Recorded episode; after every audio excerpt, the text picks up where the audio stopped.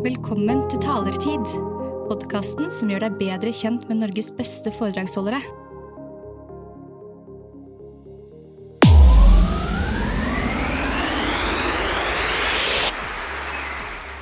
Wow.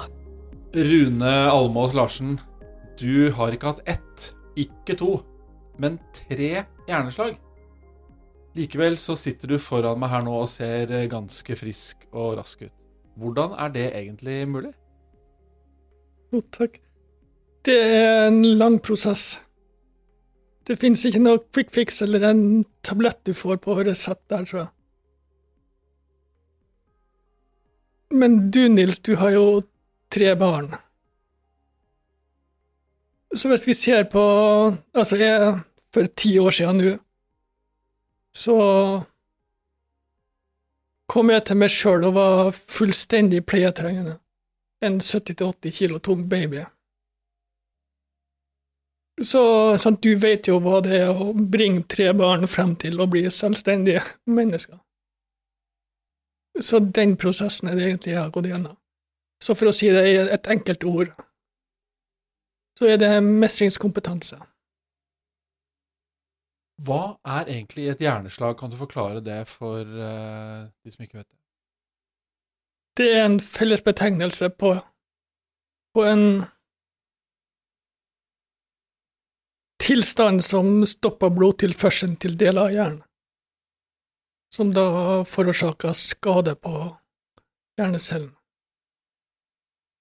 Og det kan bli det veldig stor variasjon, altså på utfallet du får, for det spørs hvor stor, og hvor i, i hjernen vevet blir skada.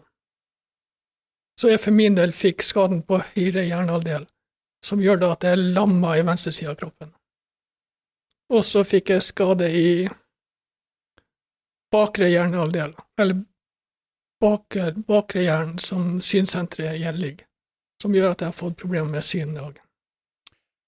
Kan du fortelle vel sånn konkret hva som skjedde? Fordi dette med hjerneslag er jo litt sånn mystisk. Vi hører om folk som har det eller har fått det, men jeg tror selve det som oppstår når, man, når ulykken skjer, er vanskelig å forstå. Kan du fortelle litt om hvordan det var for deg? Jeg fikk Jeg satt på jobb, og som lyn ifra klar himmel så sprakk det i blodhåra i nakken første gangen og halsen andre gangen. Og så er kroppen vår laga sånn at den prøver å reparere seg sjøl. Men hvordan kjente du det? Hvordan, var det en smerte? Nei. Det var det som er interessant, at vi hører om disse standard som vi skal gjøre etter et hjerneslag, altså om du kan smile, prate, løfte. Men jeg blekka bare ut. Det var, jeg satt i et åpent kontorlandskap, og så hun som satt på andre sida av meg, hun så da at det begynte å renne kaffe ut av munnvika mi. Og det var mitt andre, så hun visste jo at jeg hadde et før. Så da begynte jo alarmen å gå. Så gikk det ikke lang tid, så blekka jeg ut og ble liggende på gulvet, og så ringte jeg 113. Og hvor lang tid tok det før du da var på sykehus? Nei, ambulansen kom ganske fort, men jeg måtte jo da bli frakta med ambulansefly til Tromsø for å få til trykkavlastende kirurgi, før hjernen min begynte å hovne opp. Så det er blod som samler seg inni hjernen, og som vil ut, stemmer det? Eller, eller Nei, blodproppen, det var rett og slett trykk, så øh, i og med at kraniet er tett, så har ikke hevelsen noen sted å gå, så det ble for høyt trykk i hjernen. Så da måtte de åpne opp litt for å lette på trykket. Mm. Hvor mye forstår man selv at, Nå er jo du ekspert på hjerneslag, i og med at du har tre. Hvor mye forstår du selv hva som skjer med kroppen din og hodet ditt når du er oppe i en sånn situasjon? Det er ingenting. Jeg skjønte jo lang tid i etterkant, når jeg begynte å komme til meg sjøl på sjukehuset. Så innser jeg jo at noe har skjedd, for jeg greier ikke å bevege på venstre side av kroppen. Og så lå jeg jo der inntulla i slanger og ledninger alle veiene jeg slo opp øynene. Så jeg ante jo ikke hva som skjedde engang. Det siste jeg huska, var at jeg ble trilla ut på ambulansebåra i det åpne kontorlandskapet. Og der så ble det sort? Ja, ja, det, rett og slett. Hvor lenge, hvor lenge etter var det du våknet opp på sykehuset? Var det timer, dager? Det var dagen etterpå, tror jeg. Ja. For da har jeg vært på operasjonsbordet.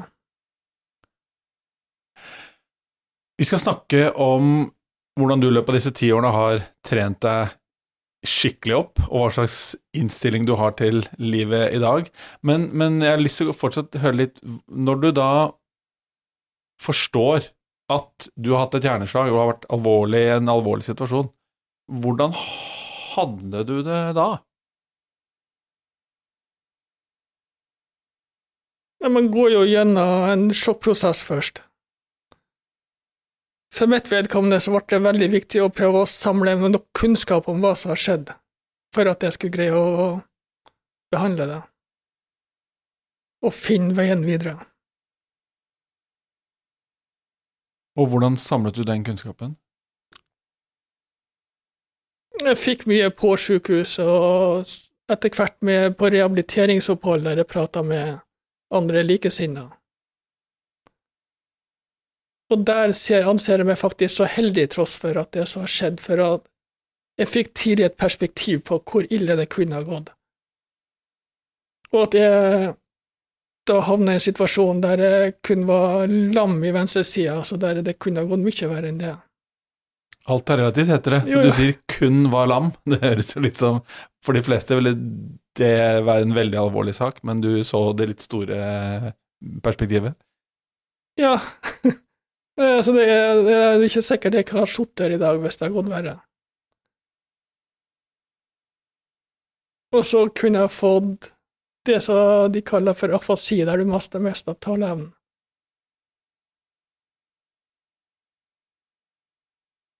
Så det slapp jeg òg unna. Men For det må jeg føle på en forferdelig frustrerende situasjon og ikke kunne klare å gjøre det forstått. Hvis du ønsker noe sånt, så du, du, du kan ikke fortelle noen om hva du trenger hjelp til. Men når vi snakker sammen nå, så er du en liten forsinkelse. Er det sånn at hjernen din jobber raskere enn stemmen, på en måte?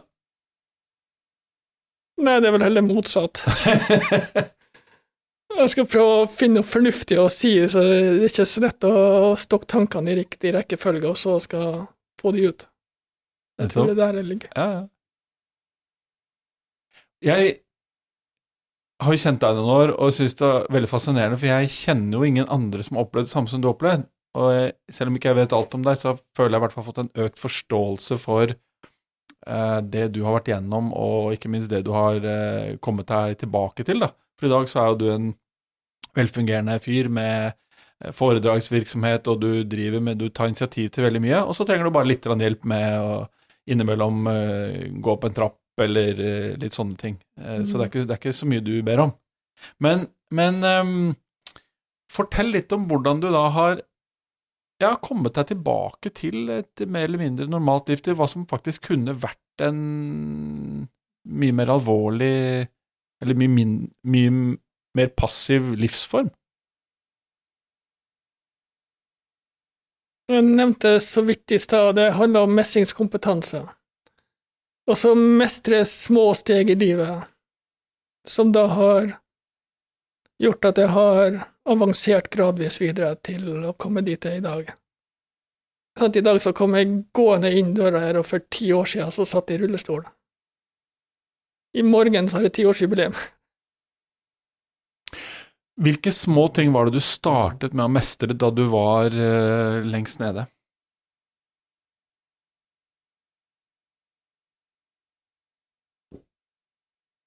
Oi. Det var vel å bearbeide hva som har skjedd i hodet, og akseptere. Ordet aksept syns jeg er forferdelig dårlig, jeg syns det er hardt. Hvis vi bruker erkjenne, det er litt mykere. Jeg har da greid å forsone meg med det som har skjedd.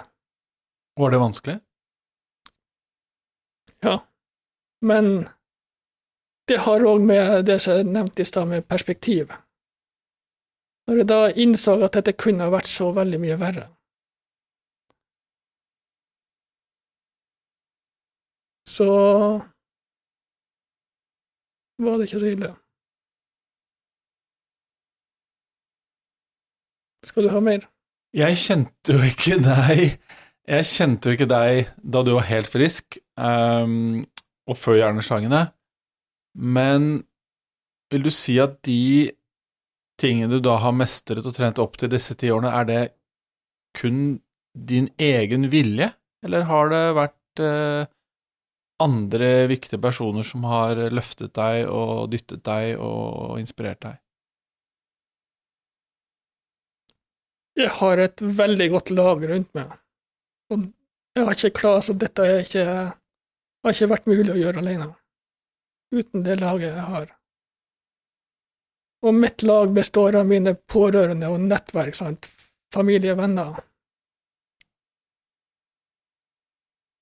Og der har jeg en filosofi på å gjøre meg sjøl så attraktiv som mulig å være sammen med, for at de skal ha lyst å være sammen med meg. Og attraktiv, da mener jeg ikke av utseende, det toget har gått for lenge siden.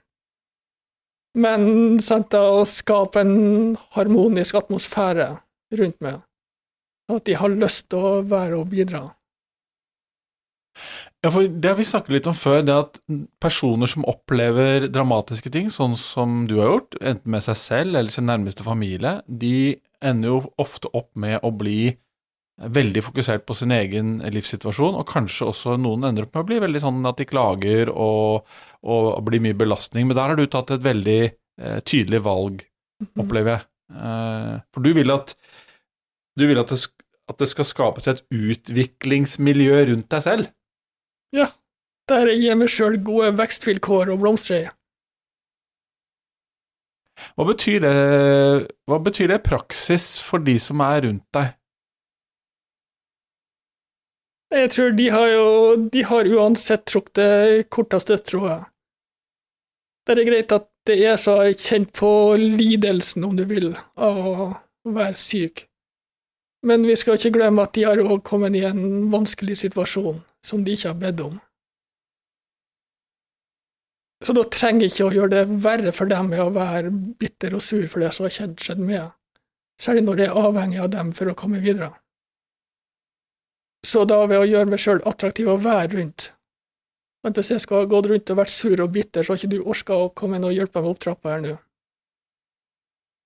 Nei, han der orka vi ikke å ta oss av. Jeg har ikke sett noe tall eller forskning på det, men er det veldig vanlig at um, ja, personer som har vært utsatt for sånne ting, ikke får til den attraktiviteten som du snakker om? Det tror jeg er veldig individuelt. Jeg tror jeg har en fordel med hvem jeg, altså de egenskapene jeg hadde når jeg gikk inn i dette. Hvis jeg får komme med et eksempel. Fra ungdomsårene så var jeg så sparker jeg fotball, men var rett og slett elendig, for å si det mildt. Så jeg hadde ikke den egenskapen om å Jeg var dårlig med ball. Men jeg var best i garderoben. Hva mener du med det? For, så jeg, jeg var redd for å Jeg var rett og slett redd for å få ballen sentra til meg på fotballbanen, og det er en dårlig egenskap. Ja, det er ikke så bra. Får ikke skåret så mye mål da. Nei. Og for jeg visste at jeg kom til å rote ham bort hvis jeg fikk ballen. Og så begynte jeg å fortelle det litt til guttene på laget at jeg vurderte å slutte. Og da var det noen som ble litt stressa. Nei, vi må Det må du ikke gjøre, for Guds skyld. Og da viste det seg jo at jo, fordi jeg var nettopp best i garderoben, jeg var limet som holdt laget sammen. Så da var jeg utviklingsmiljøet i fotballaget. Eller jeg skapte et godt utviklingsmiljø der, og det har jeg bare videreført til nå er jeg sett i sykdommen. Jeg leste en artikkel om Martin Ødegaard, den norske fotballspilleren på Arsenal, her om dagen. Og en, en ting er at han er god i fotball, det ser vi, men det som ble trukket fram hos han, var nettopp hans evne til å se andre, til å hjelpe andre og til å bygge gode relasjoner til andre på laget. Og det er det flere som har trukket fram. Eh, hvis du har både denne egenskapen og er god til å skåre mål, så er jo det fantastisk. Kan du fortelle om noen sånne store milepæler eller seire som du hadde fra da eh, ulykken skjedde, den siste ulykken skjedde, og fram til i dag, som er da ti år siden? Eh, om du kan huske noen sånne høydepunkter? Der er så mange der. Altså Hvis du tar frem mitt mantra, som er det beste du kan gjøre, er å utrette noe som ingen andre kan tro at du skal klare, så da blir det en del bragder innimellom. Men det første er nok den dagen jeg greier å reise meg opp av rullestolen og ta noen små ustegssteg. Og så bygd på det videre til at jeg i dag kom gående inn her. Så det har skjedd en del. På et tidspunkt her så fikk du for deg at du skulle skrive en bok. Fortell om det. Jo, det er ikke for at jeg har noe stor trang til å skrive bok, det bra sikkert. For dette er da boka er skrevet av en hjerneskada dyslektiker med bokfobi. Dårlig utgangspunkt. Ja. Det var rett og slett en nødvendighet, så jeg starta med bokskriving for å trene opp mine kognitive evner og hodet. Og da satt du ned foran PC-en? Nei, jeg hadde for dårlig syn, jeg klarte ikke å se tastaturet, så jeg traff jo ikke riktig tast på tastaturet. Og med ei hånd så ble det forferdelig vanskelig. og sånn som jeg fant det ut, det var at etter jeg kom hjem fra sykehuset, skulle jeg prøve å logge inn på PC-en. Så jeg huska jo passordet, så hukommelsen var intakt, men jeg greide jo ikke å treffe riktig tast for å logge meg inn. Da får du den standardbeskjeden 'beklager feil passord, vennligst prøv igjen'. X antall ganger før jeg skjønner at nei, her er noe annet som er feil. Og så ser jeg jo finne finner ut at jeg bomma, jeg ser ikke, men at jeg bomma. For du får jo bare en stjerne opp, og, Mm, mm. og da setter jeg meg ned da løsningsorientert så er og så skriver jeg denne boka med én tommel på mobiltelefonen. Og det er et prosjekt. Hvor lang tid tok det? Fire år. Wow. Men den er jo ikke skrevet fra A til Å på mobiltelefonen. Den er starta med små stikkord, og så har stikkordene blitt til setninger, og setninger til avsnitt, og avsnitt til Eller avsnittene er jo små historier fra mitt liv. Så dette er jo ting som jeg har gjort for å både trene opp mitt hode, hukommelsen, og for å holde smådjevlene på avstand. Når du blir sittende i ro og stirre i veggen, så kommer de marsjerende inn forferdelig fort. Så det var rett og slett bare for å ikke underholde meg, selv, holde meg i aktivitet. Har du en annen viljestyrke, en annen hjerne enn oss andre? For du, du har jo overkommet veldig mange både mentale og fysiske barrierer. Nei, jeg veit jeg hadde et vanvittig energinivå før slaget. Og hvis du da tar Du er kjent med den 80-20-regelen, der 20% av ressursene står for 80% av verdiskapinga. Så hvis vi bruker den der faktisk da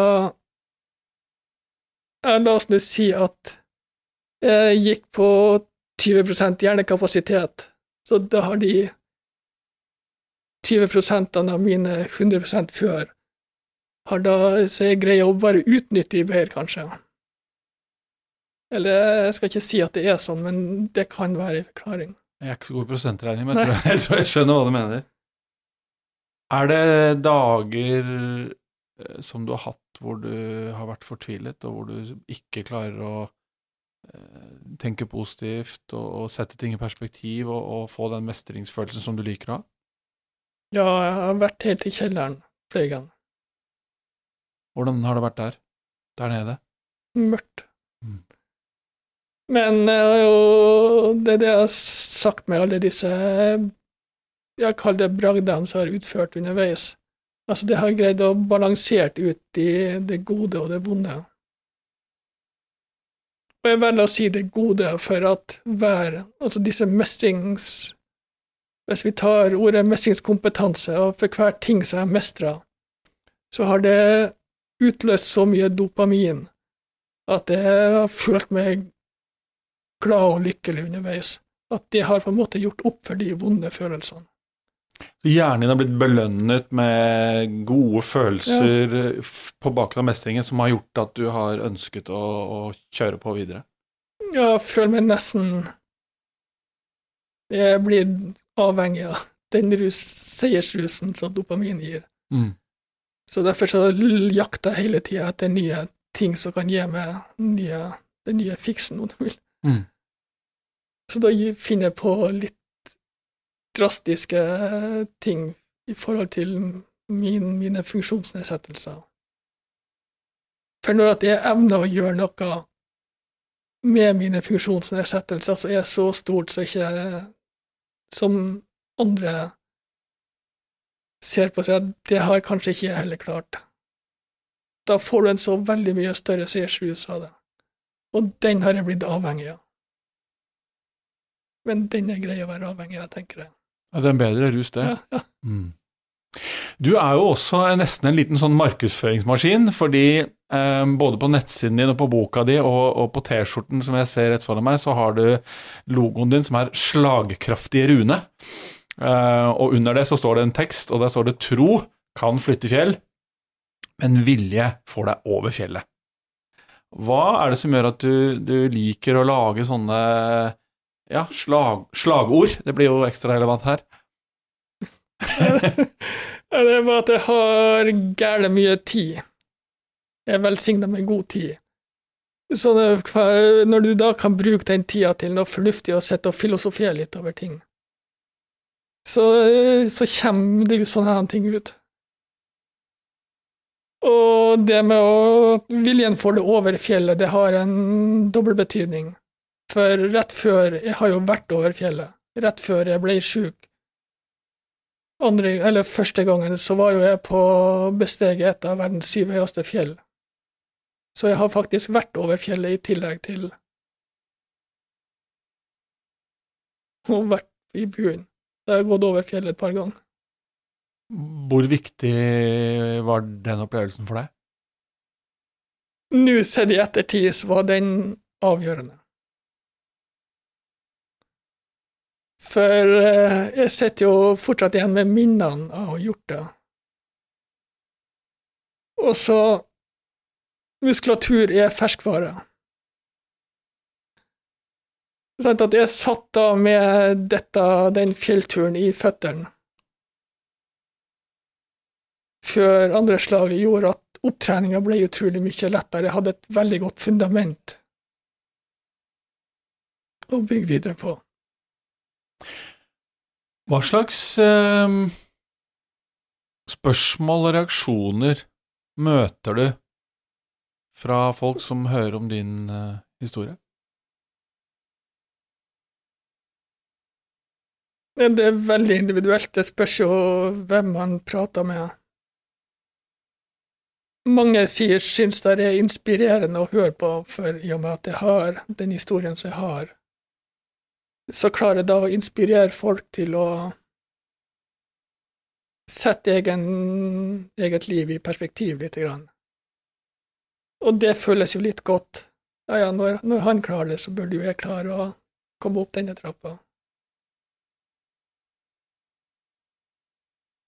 Vi har hatt besøk av Svein Harald Røyne her på podkasten. Han kjenner du også. Mm. Og han eh, fortalte jo om denne coachen som han møtte i sin tid. Eh, og da Røyne hadde et lite problem i, eh, i arbeidsrelasjonen sin eller som sjef, og da sier jo denne coachen legendarisk at ja, han hadde tre spørsmål. da. Og Det første er hvor stort er ditt problem, sånn i verdensmålestokk? Eh, om ikke vi skal gå helt dit, så det er et godt spørsmål for å sette sitt eget problem i perspektiv. Og det andre spørsmålet han ble stilt, var jo Tror du det finnes noen som kunne tenke seg å bytte sitt problem mot ditt? Ja, det trodde han jo kanskje også. Og det siste og kanskje mest avgjørende spørsmålet som du også da har svart på, er jo hvordan kan du snu denne situasjonen til noe positivt? Og jeg tenker at de tre spørsmålene kan være kloke for noen enhver å stille når man kanskje syns litt synd på seg selv med ting som er litt mer hverdagslig enn det du har opplevd, da. Det var to andre ting der som jeg hadde lyst til å ta tak i, kanskje. Det er Hva var den første igjen? Hvor stort er ditt problem sånn i verdensmålestokk? altså det, det relative i Jo, et, nei, men jeg tenker, altså, Der kommer vi tilbake til dette med å skape et godt utviklingsmiljø og være attraktiv for meg sjøl, så Ikke i verdensmålestokk, men det er kanskje stort for altså i blant eh, mitt lille nettverk, for det er de som får belastninger. Så der er, det er kanskje der det er. Så vi må nedskalere det fra verdensmålestokk til midten der miljøet. Og så, hva var neste igjen? Om noen ville bytte sitt problem med ditt. Veldig, veldig bra, og det har hjulpet meg utrolig mye. Og det å vite at det er alltid noen som, ikke for å vokse på andres ulykke, men å vite at det er andre som har det verre enn meg, gjør at jeg innser at søren, ting er jo ikke så ille allikevel. Du sa jo dette at du er opptatt av å skape et godt utviklingsmiljø rundt deg selv, som er veldig klokt sagt. Hvilke andre ting tenker du at personer som ikke har vært utsatt for det du har vært utsatt for, kan lære av deg?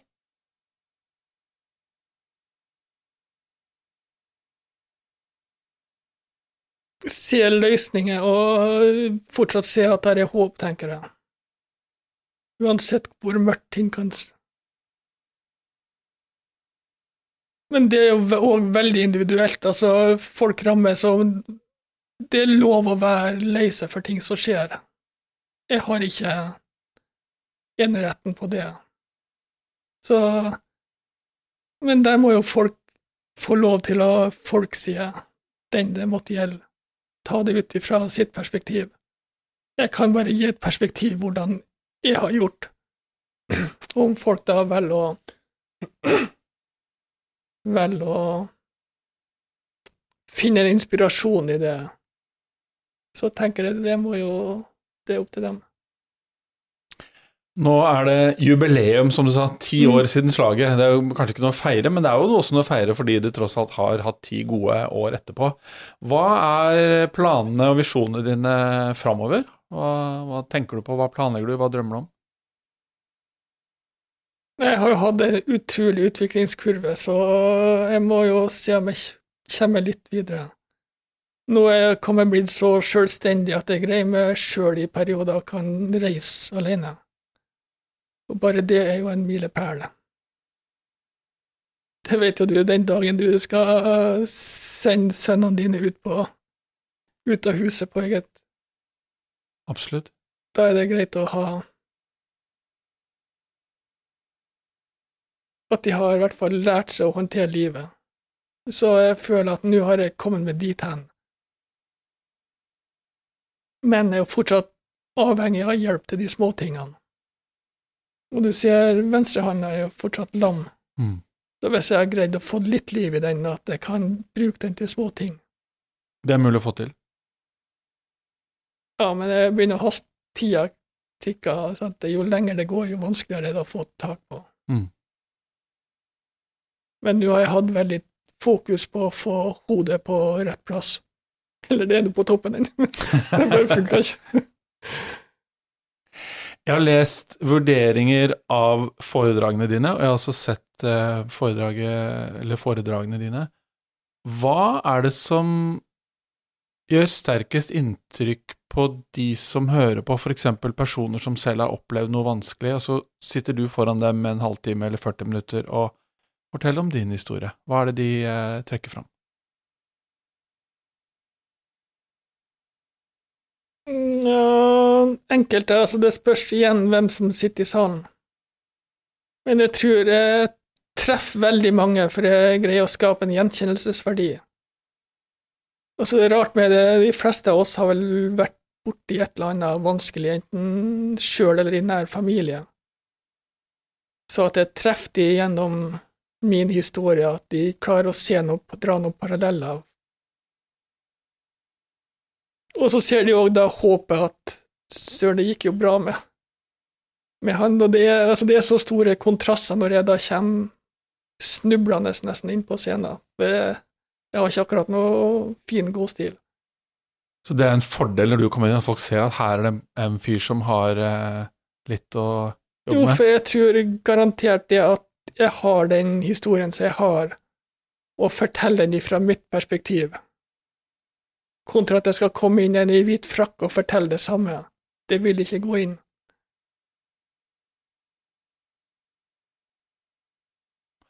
Hva forteller folk deg etter foredragene? For du er jo folk som kommer til deg, eller de formidler noe. Hva, hva gjør inntrykk? Jeg hadde folk som har kommet bort og takka meg etterpå, for jeg, altså, de har fått ja, da hovedsakelig inspirasjon. Men å, ikke minst å se at det er håp. Jeg hadde òg personer som har vært så langt nede på grunn av nære relasjoner, at ting har skjedd. Ja, så dette kan jo faktisk gå bra. Og det gjør sterkt inntrykk på meg. Da føler jeg meg at det er til nytte, i hvert fall. Det gjør godt.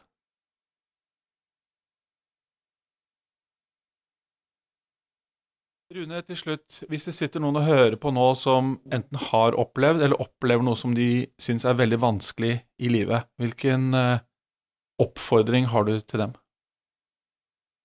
Jeg tror mye handler om å greie å bryte de mentale barrierene som holder det litt tilbake igjen.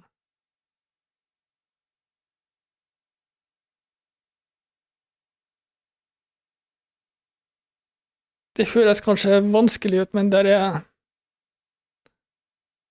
For meg så handler de, da, de mentale barrierene om mye frykt, så jeg måtte bare gjøre ting i trygge rammer. Så at jeg lærte at dette var ikke så skummelt allikevel. Så når jeg da fant ut at jeg beherska det i trygge rammer, så kunne jeg da bevege meg over på mindre trygge rammer. Og da hadde jeg fått tatt bort noen av de mentale barrierene som rett og slett gjorde det vanskelig for meg å komme videre. For da, altså det, det satt i hodet. Når får vi se Rune på 71 grader nord? Når jeg har fått venstrehånda i orden.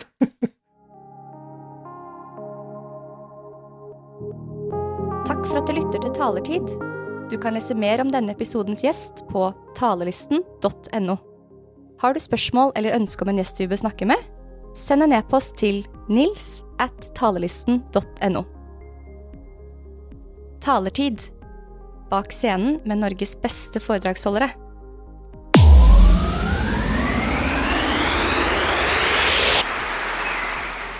Wow.